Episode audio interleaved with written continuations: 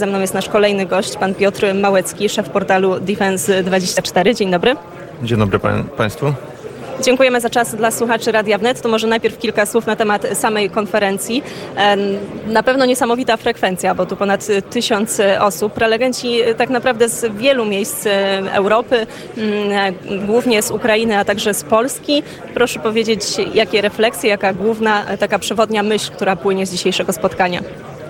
No, jest to pierwsza tego typu konferencja organizowana w, w Polsce, czy w ogóle przez, e, przez polską jakąkolwiek organizację.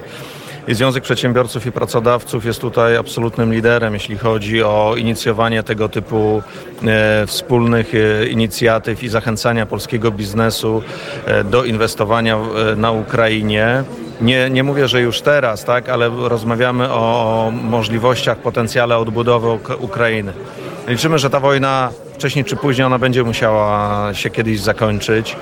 E, I Ukraina dzisiaj, tak jak dostaje ogromne wsparcie od e, Polaków, od tysięcy, milionów e, polskich rodzin, tak będzie musiała być kiedyś odbudowana. Dzisiejsze zniszczenia są na Ukrainie ogromne, gospodarka jest w zapaści, sami sobie na pewno z tym nie poradzą.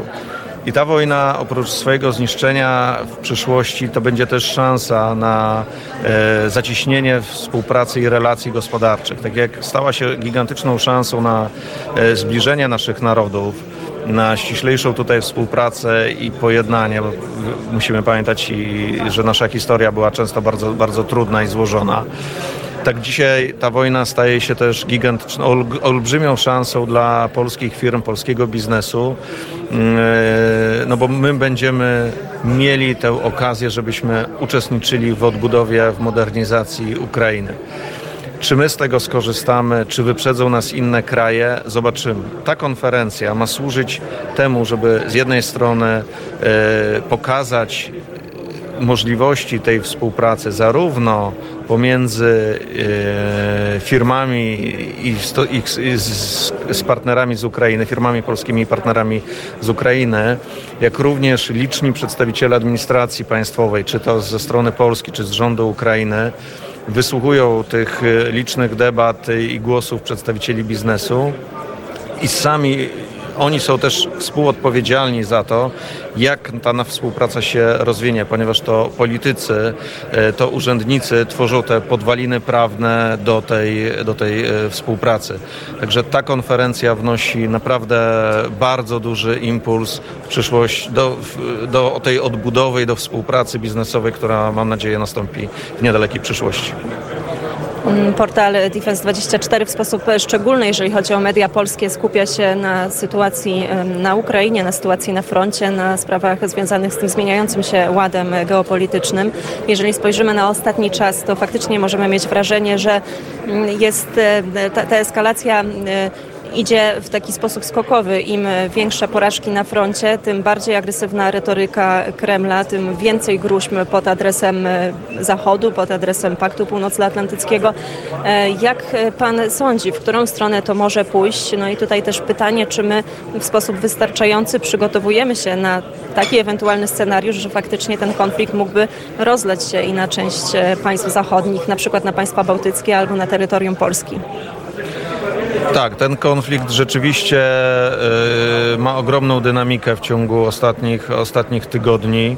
E, Ta dynamika jest związana e, z odzyskiwaniem przez Ukrainę kolejnych terenów zajętych przez barbarzyńskie państwo rosyjskie. E, Dzisiaj bardzo ciężko jest e, jednoznacznie powiedzieć i przewidzieć, w którym kierunku ono, ono pójdzie. Wiadomo, że armia ukraińska, która wykazała się niezwykłą walecznością, dzielnością, jak i cały naród ukraiński, w dużej mierze ona dzisiaj e, jest uzależniona od postawy państw Zachodu, w tym od, e, od Polski. My oczywiście tutaj nie możemy sobie nic zarzucić, ani ciężko byłoby zarzucić cokolwiek naszym, e, naszym władzom i, i tej możliwościom współpracy. Natomiast musimy pamiętać, że większość w tej chwili dostaw e, i siły Ukrainy, militarnej siły, jest uzależniona tak naprawdę od tego, jak i w jakim zakresie dostaną, e, zostaną dostarczone te dostawy od państw Zachodu.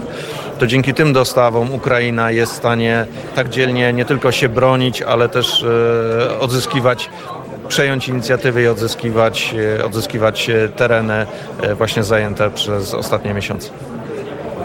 To jeszcze jedno pytanie na zakończenie. Czy ta odpowiedź na to, odpowiedź Zachodu nie jest być może taka zbyt słaba? Mm, To jest tak, że z jednej strony mamy na tym poziomie deklaratywnym, czy wypowiedzi prezydenta USA Joe Bidena, czy Jensa Sto- Stoltenberga, że ta odpowiedź będzie adekwatna, będzie wystarczająco mocna, a z drugiej strony mamy chociażby kwestię wschodniej e, flanki NATO i takie pytanie, czy na przykład już teraz nie powinniśmy e, mieć tam e, nie wiem, na przykład właśnie e, e, e, jakiejś broni nuklearnej albo jakiegoś tego elementu odstraszania. Czy to jest tak, że te, te deklaracje wystarczą, kiedy po drugiej stronie mamy realne groźby, ale mamy też aspekty ludobójstwa, używania już zakazanej broni, co prawda na razie na terytorium Ukrainy, ale widzimy, że z dnia na dzień no, ta, retoryka jest taka coraz bardziej ostra. No, myślę, że państwa Zachodu pokazały swoją jedność przez ostatnie miesiące. Jedność, której nie spodziewał się e, ani Władimir Putin, ani chyba e, no, wielu obserwatorów też e, w, naszych, e, w naszym kraju, którzy wieszczyli już koniec NATO, słabość NATO mm, i mówili o kompletnej porażce i, i słabości, e, słabości Zachodu. Natomiast nie możemy, e, nie możemy w tym momencie też e, ulegać z jednej strony panice, ale z drugiej strony nie możemy bagatelizować ciągle siły Rosji. Pamiętajmy, ona od e, ponad 200 dni jest w stanie prowadzić wojnę e, własnymi e, zasobami, ponosząc oczywiście przeogromne straty, natomiast to też pokazuje, ich mentalność, że oni nie liczą z własnymi stratami, przynajmniej do tej pory no nie, okazują, nie okazują jakoś tego, mają coraz większe własne problemy, ale z drugiej strony e, te problemy i ta rosnąca przewaga w tej chwili Ukrainie, która e, zdobywa coraz to nowe e, tereny, no, może, może doprowadzić do tego, że rządzący szaleńcy na Kremlu mogą zdecydować się na użycie niestety broni, czy to biologicznej, czy też broni jądrowej. I tego scenariusza niestety na dzień dzisiejszy my nie możemy absolutnie e, wykluczać i uważać, że e, Putin tylko i wyłącznie blefuje.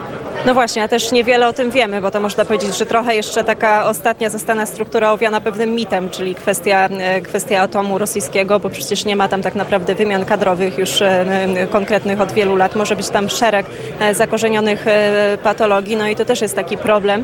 Ja to tak patrzę na to z perspektywy mediów. No my możemy, staramy się też docierać do źródeł rosyjskojęzycznych, ale i tak nie wiemy, co z tego jest prawdą. To jest bardzo trudne. Myślę sobie, że podobnie to jest w aspektach wojskowych, tylko jeszcze dużo, dużo na, na dużo bardziej skomplikowanym poziomie. Bardzo serdecznie dziękuję panu za rozmowę. Pan Piotr Małecki, szef portalu Defense24. Jeszcze raz dziękuję. Dziękuję Państwu bardzo.